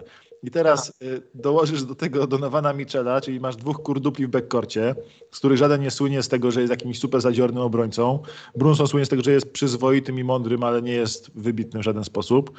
Dodatkowo Nowy Jork ewidentnie się, się szykuje do handlowania Topinem. Topinem, który był chyba naj, najjaśniejszym ich punktem y, pod koniec sezonu. A oni teraz mają na centrze mają Michela Robinsona, któremu dali wyższy kontrakt niż Boston dał Robertowi Williamsowi, co jest też śmieszne w sobie. E, mają na, na, wzięli na, e, Isaiah Hartensteina, który jest pewnie najlepszym ich centrem w tym momencie za, na, za mniejsze pieniądze. Mają Jericho Simsa, który też jest fajnym centrem, ale dalej. Gdzie tam jest dla obiego Topina? Na silnym skrzydle masz e, Juliusa Randla, który ma wszystkie minuty i wszystkie rzuty, które tylko chce. I oni podobno się z, z Utah negocjują, tylko to, że oni chcą bardzo zachować RJ Barretta i to idę o zakład, że to jest jakaś zasłona dymna i, i skończy się tym, że i tak ten RJ Barrett wyląduje w Utah. No bo czemu nie? Czemu oni mu nie dali przedłużenia jeszcze? By go przedłużyli już dawno temu. Mogli od 1 lipca go przedłużać RJ Barretta, a nie, nie przedłużają go tylko przez to, że chcą dać tą możliwość Utah do zrobienia. No to jest To tylko jest- po to. Żeby I to jest straszne, bo oznacza też, że jeśli Utah przechwyci Barretta, dajmy na to, to powiedzmy przez rok, dwa, Barrett będzie, będziemy wokół ciebie budować, poszukamy drugiego Nie, zdolnego. będziemy wokół ciebie tankować. Poczekaj, nie, będziemy budować, no tankować to się łączy ze sobą, będziemy wokół ciebie budować i nagle po drugim roku wybiorą kogoś takiego lepszego niż on był za młody w drafcie i do widzenia gdzieś, do Sacramento. To jest straszne. To jest jak, właśnie, a propos e, kar więzienia, chciałem powiedzieć, że w Sacramento Kings jest nowy więzień, dwa lata, 19 milionów, Malik Mnich. Jest pozbawiony wolności Płynnie przechodzimy od jednej świetnej organizacji do drugiej. Możemy jechać z Sacramento, proszę bardzo. Co tutaj jechać? Oni chyba zrobili jeden podpis, tak? Nie, dużo podpisów zrobili. Jaki zrobili? Jaki zrobili? Malik Monk jest najważniejszym podpisem Sacramento. Nie, oni tam mają Tak. parę.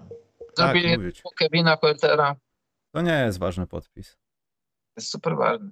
Nie. Dla Sacramento czy dla życia tego człowieka? Ustalmy. Co zrobili ciekawego, to nie, nie dali kontraktu, kontraktu Dante DiVincenzo, nawet nie dali mu qualifying offer, co jest y, bardzo zabawne. Mieli tak, że Dante, ich najfajniejsi zawodnicy pod koniec sezonu to był Dante DiVincenzo i Damian Jones. Damiana Jonesa puścili, po prostu pozwolili mu podpisać z Lakers. y, Dante pozwolili podpisać z, z Warriors, nawet go nie zastrzegają, zawsze niego pozyskiwali. Hmm. Od dwóch lat się o niego, dwa lata się starali o Dante, tylko po to, żeby teraz y, go puścić po prostu za darmo do Warriors. Więc taki, to jest, to nie są złe ruchy, tylko to jest asset mismanagement, tak? Tak samo e, Keegan Murray jest świetny, w lidze letniej był świetny, widać, że będzie miał świetną karierę przez 15 lat w NBA, będzie bardzo dobrym zawodnikiem, jest bardzo, pokazał się jako naprawdę godny czwarty pick draftu. Problem jest taki, że wzięli go, ale nie wykorzystali asetu, jakim był czwarty pick draftu. I oni robią ten, nie, oddali Haliburtona za Sabonisa. Sabonis to był lepszy fit do Foxa mimo wszystko niż Haliburton być prawdopodobnie. I ten, ta drużyna ma koncept i ma sens, ale to jest znowu utrata wartości. Tracą wartość na dealu Haliburtona Sabonisa, tracą wartość na yy, wzięciu na takim wykorzystaniu czwartego piku, jak wykorzystali. Mimo, że to zrobili bardzo dobry ruch, w sensie dobry ruch na zasadzie dobrego gracza wzięli, ale nie wykorzystali pełnej wartości piku. Dalej Dante DiVincenzo pozyskali, stali się niego dwa lata, puszczają go za darmo. Damian Jones wypromowali go, puszczają go za darmo. W tym czasie oddają asety za Kevina Huertera, który się będzie znowu grysta na tych pozycjach z Mitchellem i Foxem. Nie mają ani jednego obrońcy, w sensie nie, ale w pierwszej piątce, tak? bo teraz będzie grał Huerter, Fox yy, w pierwszej piątce obok siebie. Sabonis na centrze, w ogóle abstrakcja jakaś, jaka tam będzie obrona, więc tam jest gigantyczny asset mismanagement. To jest Oni po prostu mieli dobrego adwokata, że wyciągnął ich z tego więzienia. Ktoś ich przemycił ciemną nocą pod, ko pod kocem. DiVincenzo spędzający kolejny sezon w takiej drużynie, to jest zamach na koszykówkę, no. Ale Monk się człowieka. piłkę z Huerterem i z Foxem i z Mitchellem. Ale tylko pytanie w Sacramento jest takie, dlaczego wszyscy sobie robią podpisiki i tak dalej, a nie zajmą się, no, Diaronem Foxem, którego chyba powinno się pożegnać jak najszybciej. To jest będąc- ich Bradley Bill i Damian Lillard. Jeszcze zaraz mu dadzą no, no trade clause i 5 lat przedłużenia. Nawet Kings nie są tak głupi. Dadzą. Chociaż... Dadzą mu, uwierz w nich. Dobrze. To jest No. wszystko, to jest, to jest syndrom tego, że masz, y, masz właściciela drużyny, który, który na koszykówce się nie zna, a wydaje mu się, że się zna i chce mieć ostatnie słowo do powiedzenia. To jest, to, to jest wszystko to, tak jak Maciek powiedział, ale też możesz, możesz jemu to przedstawić zupełnie inaczej. I on powie, że aha, to ma sens. Możesz powiedzieć, że zrobiliśmy tu trade, mamy Sabonisa, który lepiej pasuje do Foxa, ale mogłeś to wykorzystać inaczej. Wybraliśmy człowieka w drafcie z pozycji czwartej, a on mógł pójść trochę niżej, więc moglibyśmy zrobić trade down, zrobić, dostać cokolwiek i to wyglądałoby jeszcze lepiej, więc moglibyśmy zmaksymalizować rzeczy, które mamy, ale i tak to na papierze nie wygląda aż tak źle, bo, bo moim zdaniem teraz te Sacramento powalczy o play-in bez problemu, znaczy bez problemu, powalczy, nie wiem czy wejdzie, ale powalczy Nie, I- dół, dół zachodu jest taki słaby, że powalczy bardzo mocno. i dla, dla Kings, którzy są Knicksami zachodu, a, a Knicksi są Kingsami wschodu, to, to jak idziesz z takim papierem do swojego właściciela i mówisz, patrz pan, będziemy walczyli o playoffy, a on powie super, dostajesz ty przedłużenie jako GM. W takich przypadkach to przychodzisz z facetem z fakturą i mówi, mówisz, panie, patrz pan, pan mi wymienia to na, na działającą sztukę, bo to popsute jest. To tylko tak można za, zareagować, a nie w ogóle czasami się zastanawiam, co władze NBA robią, jak oglądają to i analizują. Nie wiem, nie mogą kogoś wyrzucić po prostu albo Nie, ale spuścić do lasu wiesz, i... Z Sacramento naprawdę masz tak, że każdy ten ruch osobny w próżni ma sens, tylko jest na małej utracie wartości, ale łącznie wszystko tracisz dużo na wartości i to jest i razem wszystko jest bez sensu. Każdy pojedynczy ruch ma w sumie sens, ale wszystkie razem są bez sensu i to jest cały ten- cały ten problem, bo oni zapowiadało się na to, że na przykład jak będą Foxa i Sabonisa, dadzą trzech defensywnych skrzydłowych koło nich, sensie broniących, że będzie tam na przykład właśnie Dante DiVincenzo, że będzie Harrison Barnes, że będzie dajmy na to Keegan Murray, tak? Będzie trzech skrzydłowych koło tego, że będą swoją długością ramion i tak dalej nadrabiali niedoskonałości defensywne, delikatnie rzecz ujmując, dwóch liderów. Ale oni zamiast tego biorą Malika Monka i Kevina Huertera do piątki, a tego defensywnego Dante wypuszczają. No halo, Daviona Michela, który koło Foxa by grał, grzebią za Monkiem i za Huerterem w rotacji. A Davion Mitchell, po co grali im taki gigantyczny usage y, na koniec zeszłego sezonu, gdzie się pokazał bardzo dobrze w tej roli, w której go obstawili, z dużym usage'em, z decyzją jako rozgrywającym, z, z piłką w rękach, po to, żeby grał teraz 18 minut na mecz? No, bez, tam nie ma nic sensu po prostu. To jest głupie. To jest po prostu głupie. I to mimo tego, że bardzo, bardzo lubię e, Kigana Mareya, zawsze po tym, co pokazał w lidze letniej, był super. Naprawdę był bardzo fajnym zawodnikiem, ale przykro mi, że trafił akurat do Sacramento też dla Kigana Mareya.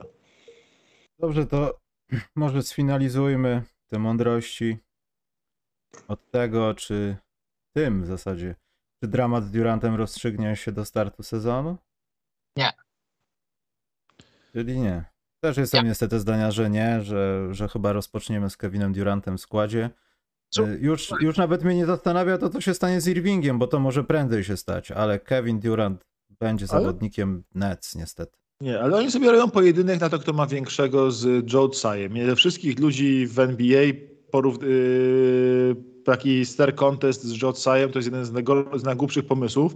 To jest facet, który słynie z tego, że się w ogóle nie cacka w biznesie i w pracy i no, jak, jakiś tam Kevin Durant, bo z jego punktu widzenia to jest jakiś tam Kevin Durant, tylko nie będzie go z niczym szantażował. On go nie będzie mu rządzał, on mój mój stary, masz 4 lata jeszcze kontraktu. Spróbuj tylko go nie wykonać. Więc Tak, to ten, jest... kontrakt, ten kontrakt się dopiero zaczyna i jak jesteś takim Benem Simonsem i przesiedzisz sobie przez rok i masz 25 lat, to jeszcze aż tak bardzo nie myślisz w kontakcie swojego tak zwanego legacy. A tutaj Kevin Durant ma wszystko do przegrania, bo chcesz odejść z drużyny, którą pomagałeś sam budować, do drużyny, której mówiłeś, że ja jest, my jesteśmy GM-ami, my jesteśmy trenerami. Mogłeś nawet nalegać, żeby ją stworzyć. Tak, zatrudnijcie nam nawet DeAndre Jordana. Dosz, doszło do takiego, do, doszło do takiej kuriozalnej sytuacji, że przychodzi facet, który od trzech lat nie, już nie jest w stanie grać w koszykówkę, dostaje 40 milionów dolarów i ty, kapitan tego statku, u, uciekasz, zanim ten statek jeszcze zaczął tonąć, to jest całkowicie hmm. bez sensu z punktu widzenia A, sportowego, bo jeżeli idziesz do Phoenix, idziesz do Toronto, idziesz do gdziekolwiek indziej i chcesz, chcesz zdobyć tytuł, no to wiadomo, że, że z powrotem muszą przyjść jakieś, jakieś kontrakty, muszą przyjść jacyś ludzie, więc y, teoretycznie przyjście Kevina Duranta do jakiejkolwiek, do jakiejś tam z tych kilku drużyn ma, ma kapitalny sens, ale to, co odchodzi w zamian, to, to, to, to czyni te, te ruchy praktycznie bezsensowne dla Kevina Duranta, bo gdyby on się spokojnie z tym przespał i zastanowił, to myślał, hej, moje najlepsze szanse na wygranie są tutaj, na, Brooklynie, na Brooklynie, w tym momencie, na Brooklynie. Taki super mały ruch poza, poza radarem Royce O'Neal przyszedł. Przecież to jest, to jest super ruch. To, Royce O'Neal to nie jest nie wiadomo kto, ale, ale tak, żeby wzmocnić drużynę do walczenia o, ty, o tytuł. Yy, kto jeszcze? Yy, TJ Warren. Też super ruch, jeśli jest zdrowy. Więc tak jak Maciek powiedział, Sam może podejść do KD i powiedzieć, gościu, ty masz tu wszystko do przegrania, a ja zupełnie nic, bo ty jesteś pod kontraktem, który się dopiero zaczyna, masz 34 lata, jesteś w top 15 teraz all-time zawodników, ale twoja historia jeszcze się nie skończyła pisać. Jeżeli ona się zacznie, jeżeli ona się skończy pisać tak jak, tak jak yy, może się zapowiada, że tak będzie, że ty nie będziesz chciał grać, że ty nie będziesz robił to czy tamto, to tylko ty na tym stracisz, nie ja. Y, w ogóle dla mnie to jest nie, nie, niepojęta sytuacja. Trzeba było trochę się może odwołać do, do charakteru i do postaci Kevina Duranta, jakoś spróbować wejść w jego głowę, że dlaczego chcesz odejść, co chcesz osiągnąć, co chcesz zrobić, bo y, samo odejście z Warriors można było się zastanawiać, ok, te dwa tytuły, nie, jak to się mówi, nie siadły aż tak bardzo, jak KD się wydawało, odchodzi, buduje swoją nową drużynę. Budujesz swoją nową drużynę, jesteś jakby nie było kontenderem, jeszcze nadal na ten moment, cały, cały czas, i ty chcesz odejść ze sportowego punktu widzenia to ma bardzo mały sens. Jest, jest dosłownie dwa albo trzy ruchy teraz w obrębie NBA, które by sprawiły, że Kevin Durant idzie do drużyny, która z nim po transferze bije się o tytuł, a Brooklyn dostaje to, co chce dostać. To, to nie ma sensu. E, nie no, jeszcze z Durantem w ogóle jest taka zabawna rzecz, że on tak chce budować to swoje legacy, że poza Warriors coś swojego zbudował swoją drużynę mocno opartą na nim. A jakie dwie drużyny wytypował do miejsca, gdzie pójdzie, e, gdzie chce, gdzie chce najbardziej pójść. Phoenix i Miami. Phoenix wygrało zachód, Miami wygrało wschód w zeszłym sezonie. No to momencik. To jaja sobie troszkę, jakby to takie jaja są z Durantem, ale mam wrażenie, że jego caj nie puści. Mam wrażenie, że Irvinga, i to nie, myślę, że to nie jest plotka, że wolą mieć dwa piki nastrzeżone Lakers, yy, Nets niż Kyriego Irvinga, bo mają go dosyć, podejrzewam. Na, takie, na zasadzie takiej nie przeszkadzaj nam już, po prostu idź sobie, nie przeszkadzaj. Na cokolwiek cię spuścimy i, ma, i, to by mnie w ogóle nie zdziwiło, ale myślę, że Duranta to oni łatwo nie puszczą. I myślę, że i te ruchy, które teraz robią, świadczą o tym, że niespecjalnie się przejmują jego żądaniami. Te, to, co jest raportowane, że żądają innych klubów, to jest na zasadzie takiej, żeby pokazać, dobra, próbowaliśmy, ale tak naprawdę wcale nie chcemy, wcale nie chcemy oddać. Minnesota, dajcie nam Townsa, Edwardsa i jeszcze wszystkie swoje piki, które oddaliście dla Utah Jazz nie? i tak dalej. Więc to jest takie na zasadzie, tak, próbujemy nim handlować na zasadzie, dobra, te, teraz Kevin, wracaj do szatni, idź trenować. Pierwszy mecz masz od 23 października i proszę być na boisku. Dobrze, to jeśli macie jakiś super podpisik jeszcze do powiedzenia, to się pochwalcie, jak nie, to idziemy do pytanek. Marvin Bagley. Czy nie, no wiesz, jeśli to ma polegać na tym, że zbiera się wszystkie piki w drafcie, nawet 63, no to czy tam top 5 pików w drafcie, no to gratuluję. No. Detroit idzie po prostu po, po swoje, młodość po swoje idzie. Dlaczego, dlaczego nie? Nie, Detroit Podoba mi się to, że robi Troy Weaver dokładnie to, co się przez lata mówił Bill Simmons. Czemu drużyny tak nie robią? Typu, czemu nie biorą nie wypałów ze złych organizacji e, draftowych i nie próbują u siebie zaadaptować? Tak nie wyszło z Joshem Jacksonem. Marvin Bagley był obiecujący. Pytanie, z kim rywalizowali o jego kontrakt, bo mam wrażenie, że Troy Weaver daje z automatu wszystkim wysokim 37 na 3, bo to jest autentycznie tak, że dali to dokładnie to samo, dał Kelly'emu Olejnikowi, dał dokładnie to samo, prawie to samo Masonowi Plumlee. Po prostu to jest, jesteś wysoki, 37 y, na 3 mam w tabelce i tak, tak po prostu... szablon, tylko się nazwisko zmienia.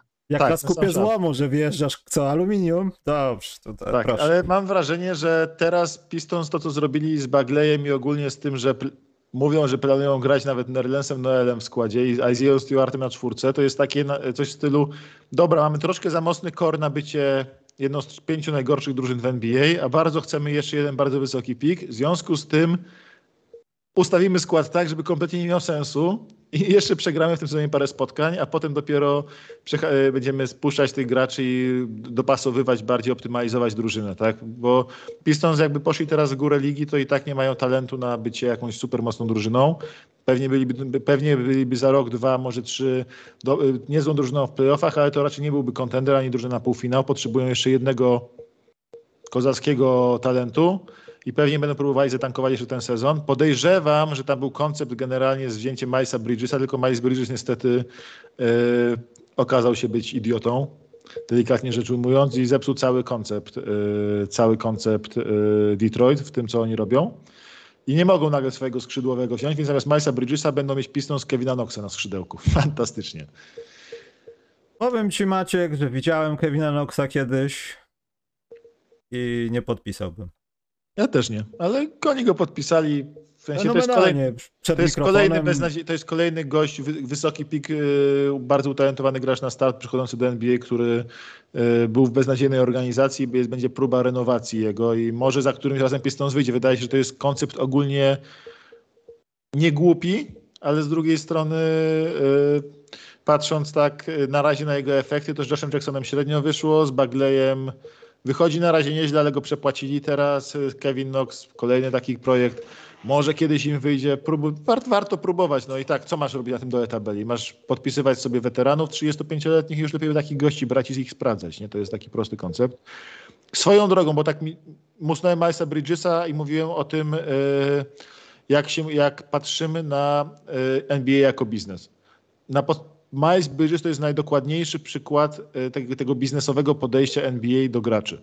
Typu Charlotte Hornets puścili PR-ową informację, że planują wycofać y, qualifying offer dla niego.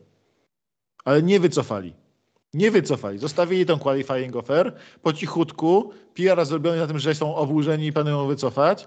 Cały czas mają go zastrzeżonego na tym qualifying offer. Inne kluby go traktują jako radioaktywnego Pewnie na jesieni nagle się okaże, że ojejku, podpisaliśmy 50 milionów na 4 lata z nim, za karę, że był takim okropnym damskim bokserem, tylko 50 milionów dostał, a nie 100.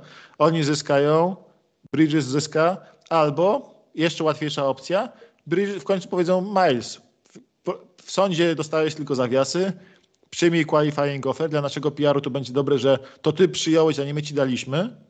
A, za a w rok ogóle pamiętaj... to ona zaczęła. A tak, a za, rok, a za rok pamiętaj, że to my byliśmy dla ciebie, my ci wyciągnęliśmy rękę, zostawiliśmy ci tą qualifying offer, kiedy nikt cię nie chciał i byłeś radioaktywny. I dzięki nam jesteś w NBA i za rok będziemy z tobą negocjować od nowa na prawach Berda, które są niewiele gorsze w obecnej NBA tak naprawdę niż, e, niż restricted, restricted, restricted free agency, więc e, to jest taki najbardziej możliwy, typowy przykład tego, że NBA jest bardzo etyczne, bardzo yy, kochany, bardzo dorany przyłóż, ale jak jest ten taki twardy biznes i utrata asetu wartego 100 milionów dolarów jak Miles Bridges, to nawet jeśli jest debilem i damskim bokserem, to go nie wyrzucasz tak łatwo. Oczywiście, bo to, bo to można mówić różne tam górnolotne hasła, na koniec jest biznes, jakby zdjęli z niego tą qualifying ofertę, to ktoś by go sprzątnął za jakąś piątkę czy, czy siódemkę i też niby, że wyciąga mu rękę, też można byłoby to różnie przedstawić, że on poza tym, że trenuje i gra, to jeszcze chodzi na jakieś tam zajęcia i zrobilibyśmy jakieś tam... obrony. To byłoby fajnie. Nie, oczywiście, że tak jest. A wracając do tych podpisów Detroit, to wiecie, no Maciek wie najlepiej, bo to jest wielkim fanem tej drużyny. Oni nie mieli absolutnie nic do stracenia, a tu Knox... Y Knox, to, to jest prawdopodobnie jego ostatni kontrakt w NBA, ale ile on tam dostał? Dwa razy po trzy? Albo... Dwa razy po trzy, tak. I dużą, i dużą rolę. Absolutnie nic. To są, to są orzeszki ziemne na skalę NBA.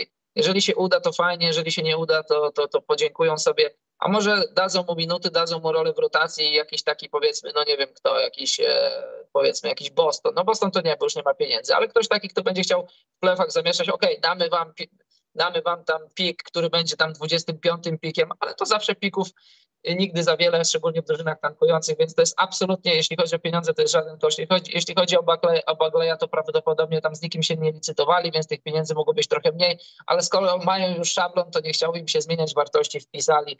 Bagley ile ma lat? 22, więc to jest jeszcze, jeszcze on za 10 lat jeszcze będzie młody. On jest w wieku Kigana Mareya, który teraz przyszedł do draftu. Więc właśnie, no więc właśnie, więc to jest taki kontrakt na poczet, na poczet rzeczy, które może oni już widzieli na treningach, widzieli w końcówce sezonu i może za półtora roku się okazać, że to że to właśnie to, to, jest, to, jest, y, to są orzeszki ziemne, ale z kolei w drugą stronę, żeby dostał dwa razy więcej. Więc. To jest na koniec tak, że będą mieć za rok 50 milionów w capspace, tak? Będą mieć no 40 czy 50 milionów w capspace, więc i tak wszystkiego tego nie wydadzą, więc wydają na swoich zawodników, a nóż któryś wypali, jak nie wypali, to resetujemy. Mają te dwa lata jeszcze na jakieś eksperymenty z Cade'em i Iwayem, zanim oni będą naprawdę dobrzy.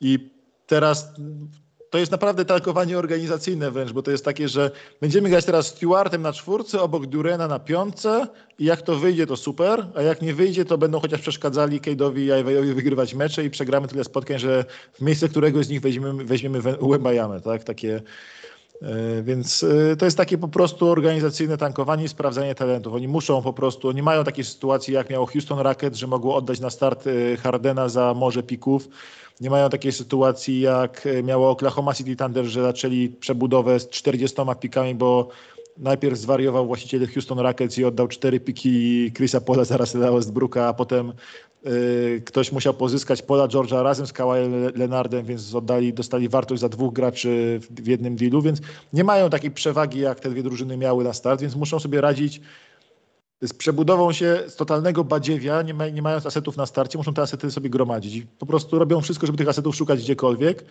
Wyjdzie albo nie wyjdzie, mówię, podejmują ryzyka, podejmują próby, robią te swingi, tak? Mówi, że go for the swing, tak? Jak się w drafcie często mówi, że drużyna, która ma małe szanse, niech chociaż próbuje pozyskać gościa o maksymalnie wysokim upside, tak jak właśnie ten ich podpis Jelena Durena, który prawdopodobnie będzie nowym Andre Drummondem, ale ma małą szansę że na bycie nowym Dwightem Howardem, więc czemu nie spróbować? Czemu nie, nie on lepszy będzie, daj spokój. Czemu go od razu zakopywać? Nie, ja go uwielbiam. Jest świetny, ma niesamowite ręce, instynkt do podania jest super, tylko problem jest taki, że on jest bardzo, jest klasycznym centrem w nieklasycznie w NBA, która klasycznych centrów nie kocha, nie? Więc yy, robią te swingi. Wzięli dwóch najbardziej atletycznych zawodników draftu w tym roku. W drugiej rundzie wzięli najbardziej atletycznego gościa w drugiej rundzie. Gabriele Prosida naprawdę jest y, fajnym, atletycznym gościem.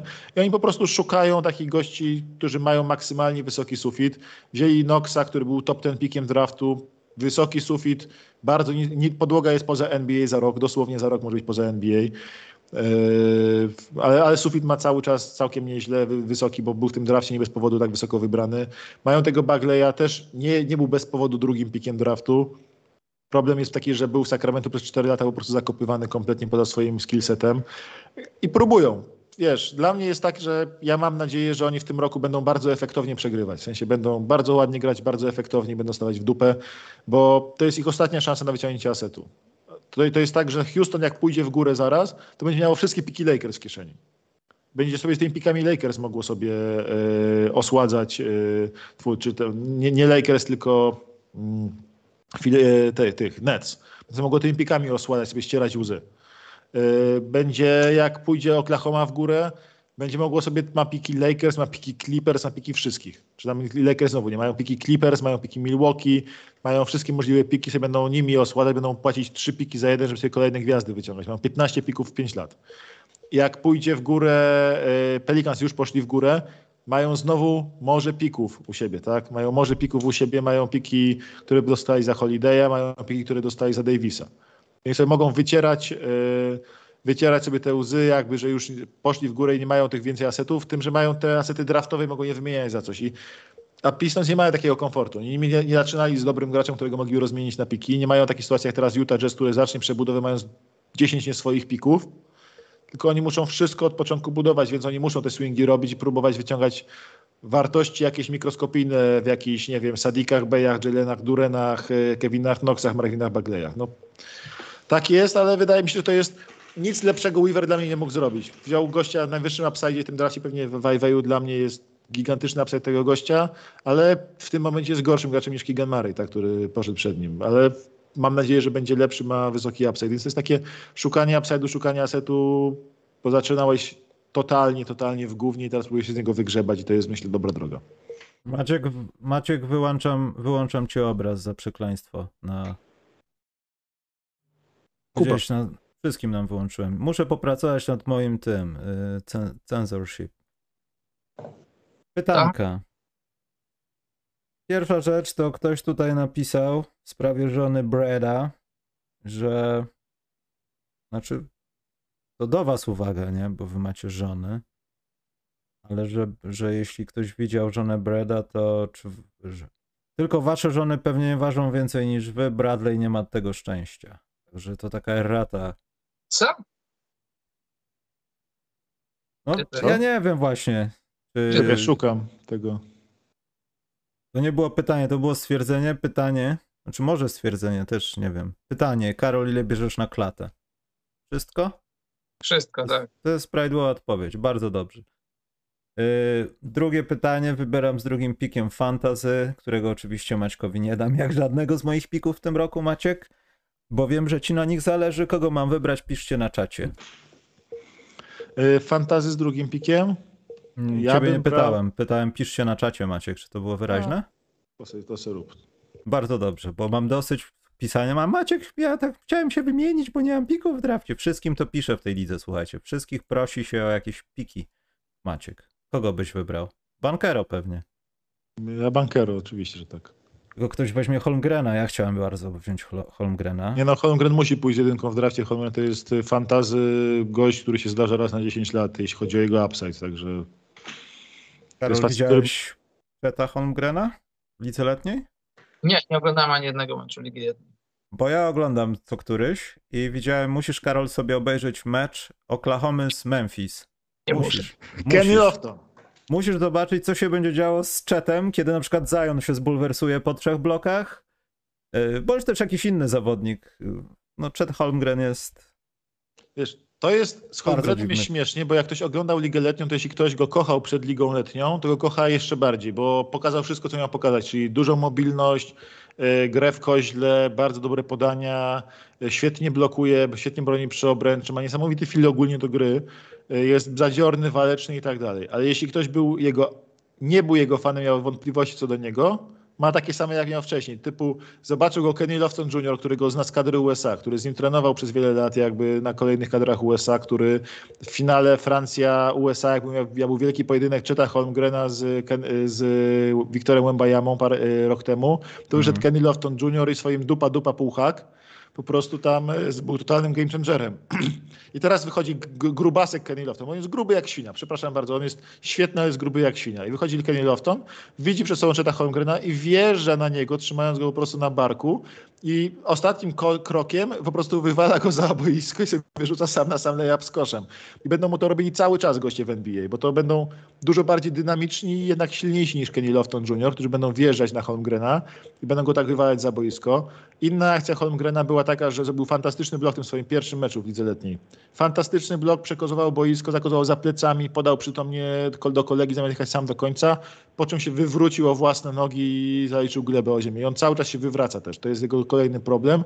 Trudno się o niego nie bać, więc pokazał wszystko to, za co go kochamy, pokazał wszystko to, za co będziemy się z niego śmiać i będziemy się o niego martwić.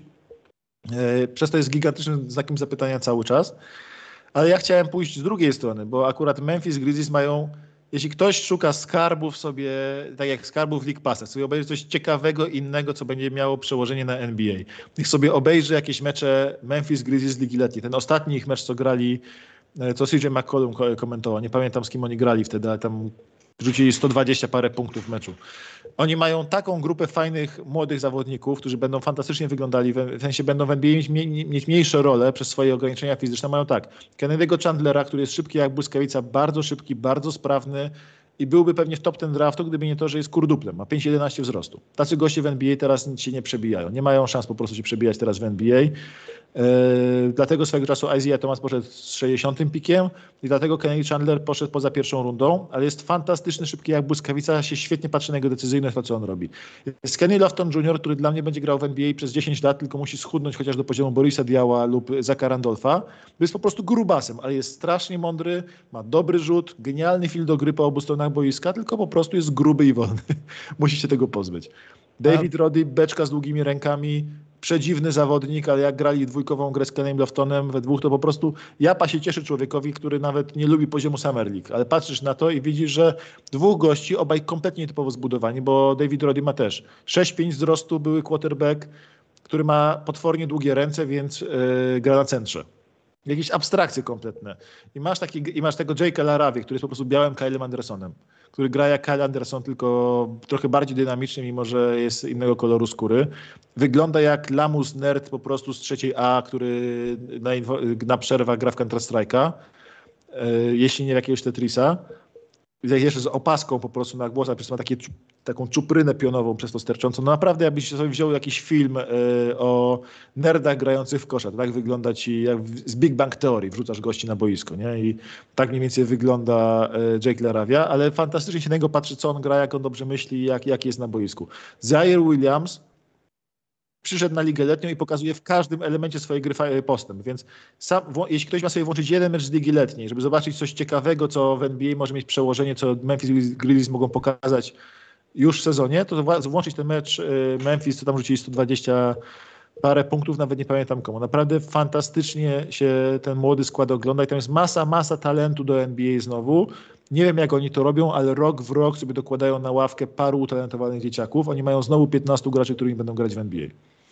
Ale co do Zaira, to taki chyba był zawsze z niego late bloomer, więc czy to się stanie? Był tak jak... early bloomerem, który był fatalny na uczelni.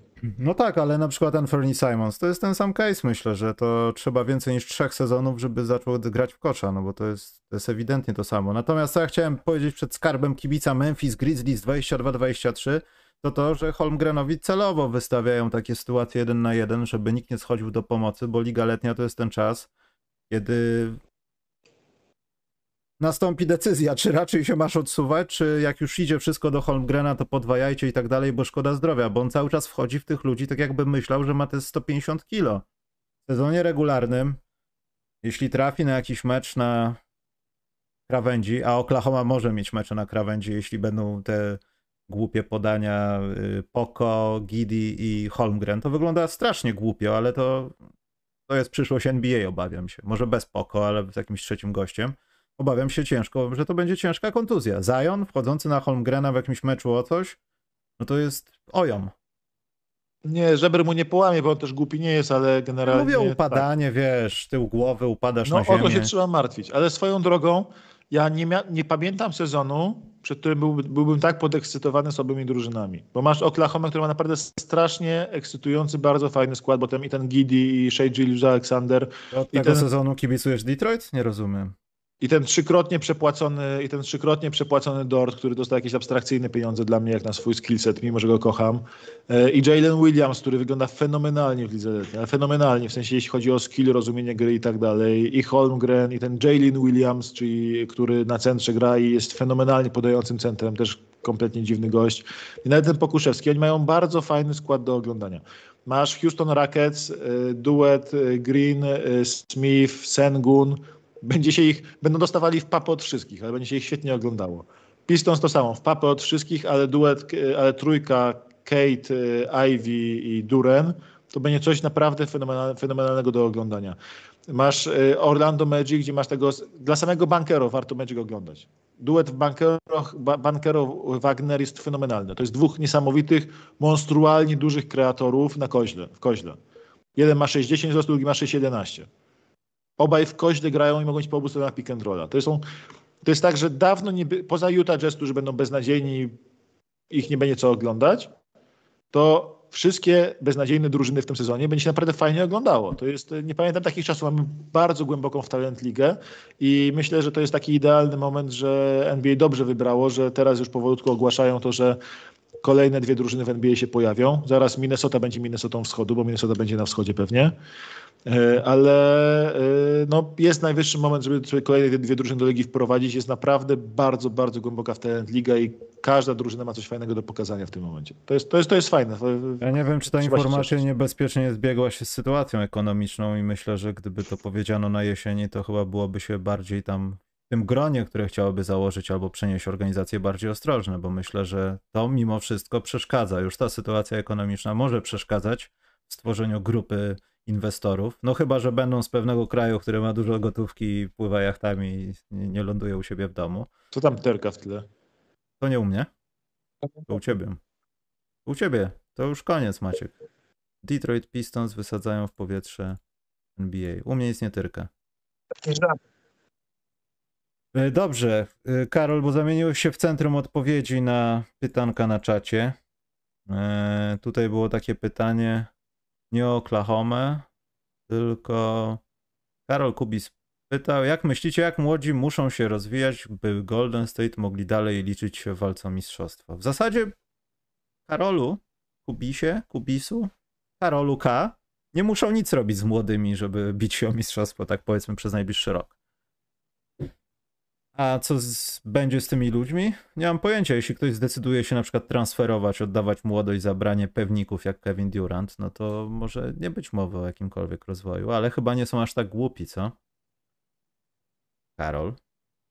No muszą, bo y, ani Clay, ani Steph, ani Draymond młodsi nie będą. Jakby Warriors zawsze mówią, że zawsze mówili, ten model San Antonio to jest ich wymarzony model, to jest taka ciągłość pokoleniowa jeżeli, jeżeli Moody drugim roku i Kuminga w drugim roku wejdą większe role i będą takimi naturalnymi łącznikami pokoleniowymi plus Wiseman, to tak, ale to nie, nie, nieudane, nieudane inwestycje w młodych zawodników, no to rok, dwa, maksymalnie trzy, no ma co strzelać latami, ale każdy, każdy z tych zawodników z tego oryginalnego planu Warriors jest po 30, oni już lepsi fizycznie nie będą. Im, Im lepsi będą ci młodzi zawodnicy, tym lepiej dla Warriors, ta ciągłość pokoleniowa będzie zachowana. Eee, Polako pytał, powiedzcie coś o książce, o oglądaniu kosza jak geniusz, czy to pozycja bardziej humorystyczna, czy stary kibic NBA może doznać jakiegoś olśnienia czytając ją? Eee, rozumiem, że chodzi o tą książkę How to i tak dalej. Tam są śmieszne rzeczy, na przykład dotyczące, nie chcę spoilować, ale ciekawe wypowiedzi dotyczące aktorów, czy tam reżyserów oper mydlanych w kontekście jakiegokolwiek związku o sprzedaży flopów do sędziego. To mimo wszystko nie ma jakiegoś takiego specjalnego związku, ale jakaś taka, no nie wiem, nić aktorska, że ty sprzedajesz ten faul. Wiadomo, że oni wszyscy się znają jak łyse konie i wiedzą, że ten flopuje, tamten nie flopuje, ale o samym takim E, wydarzeniu, jak to sprzedajesz wokół do sędziego, jak to budować i tak dalej. No masa jest jakichś tego typu rzeczy. Poza tym tam nie są opisane rzeczy w stylu jak zrobić dwutakt, tylko są właśnie takie porównania.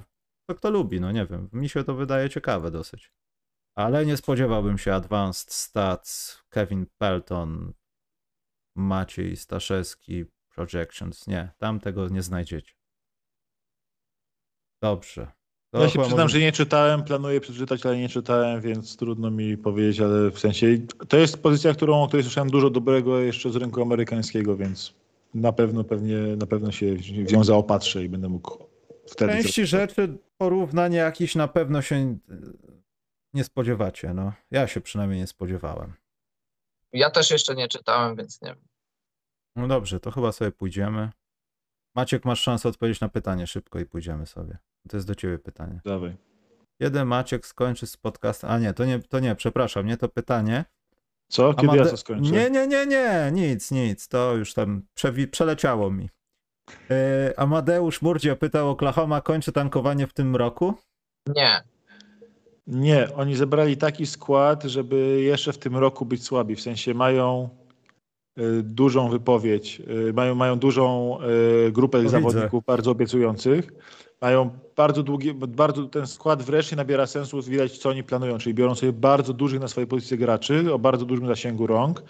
E, Holmgren, e, oba Jalen Williams, e, Giddy, Shea i tak dalej. Jak to wszyscy... oba? To się ob, ob, obydwóch dobrze tak mówi to imię?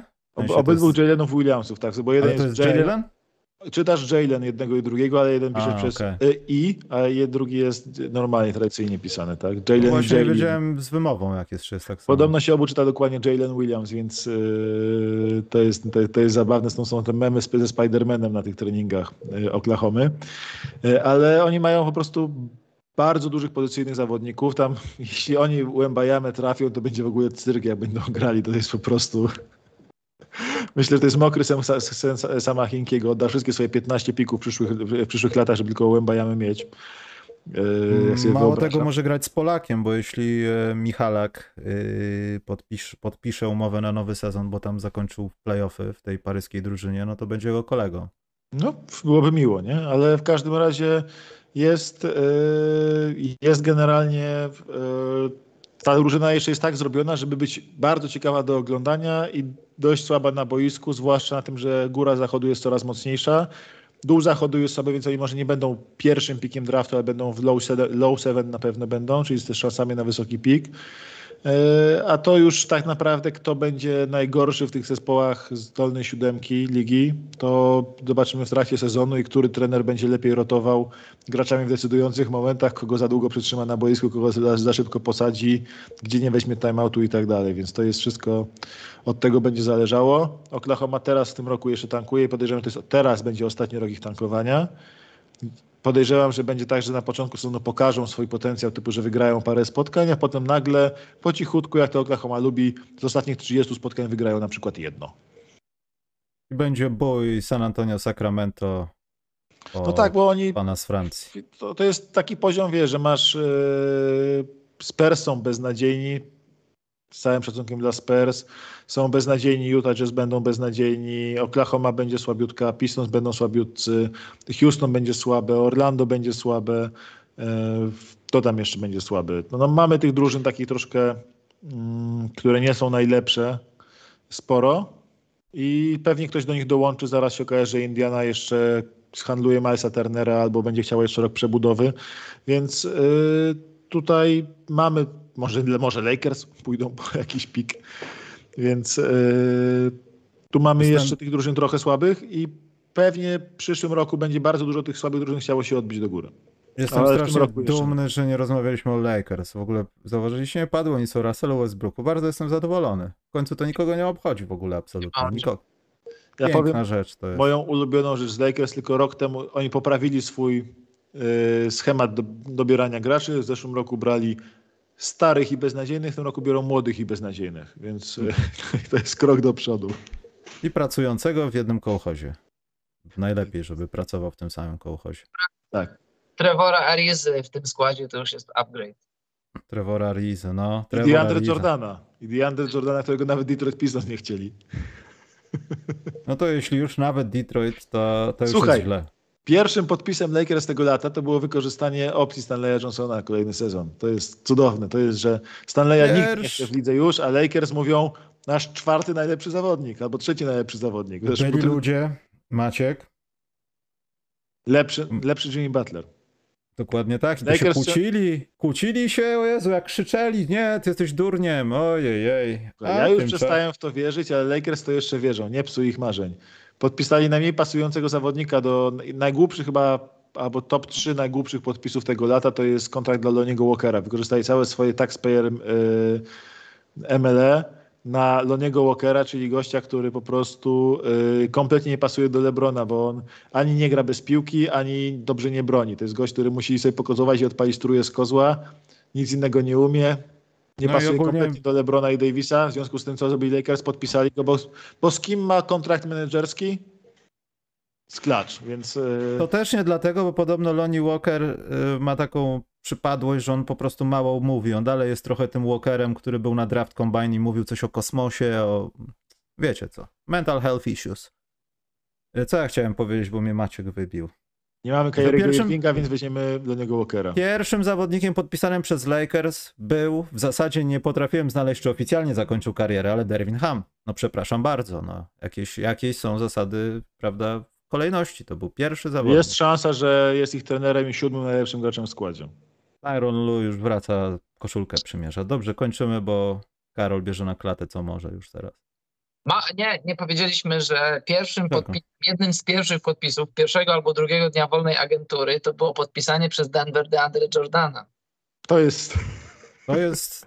Jakie on ma haki na menedżerów NBA? To jest... On musi mieć jakieś papiery, na tym, bo on już od czterech lat, jego nogi nie są w stanie grać w koszykówkę. To, że poszedł na Brooklyn, to wszyscy wiemy dlaczego, ale to, że w drugim dniu wolnej agentury Denver go podpisało, to nie wiem.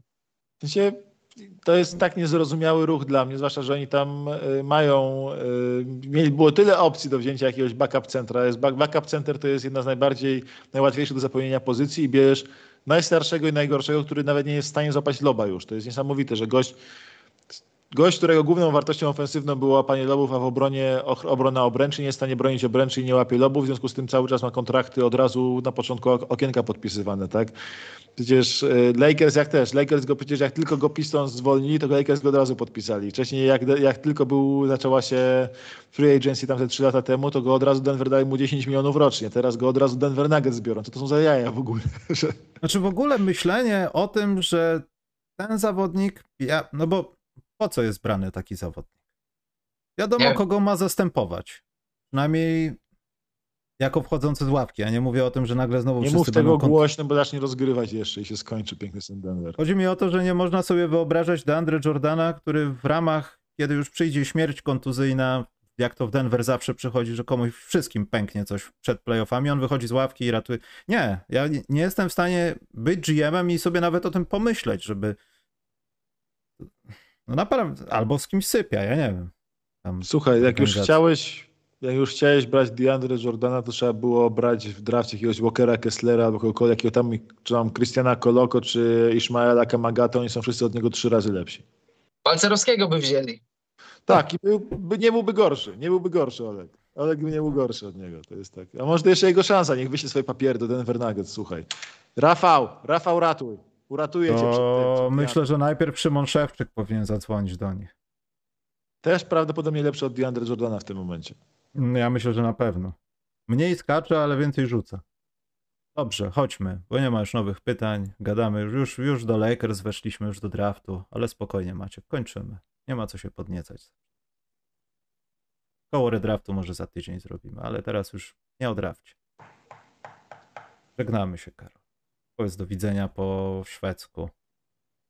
Hejdo, godnat. Ku, a o, właśnie. Gotnacht? Tak? Godnat. Nocy.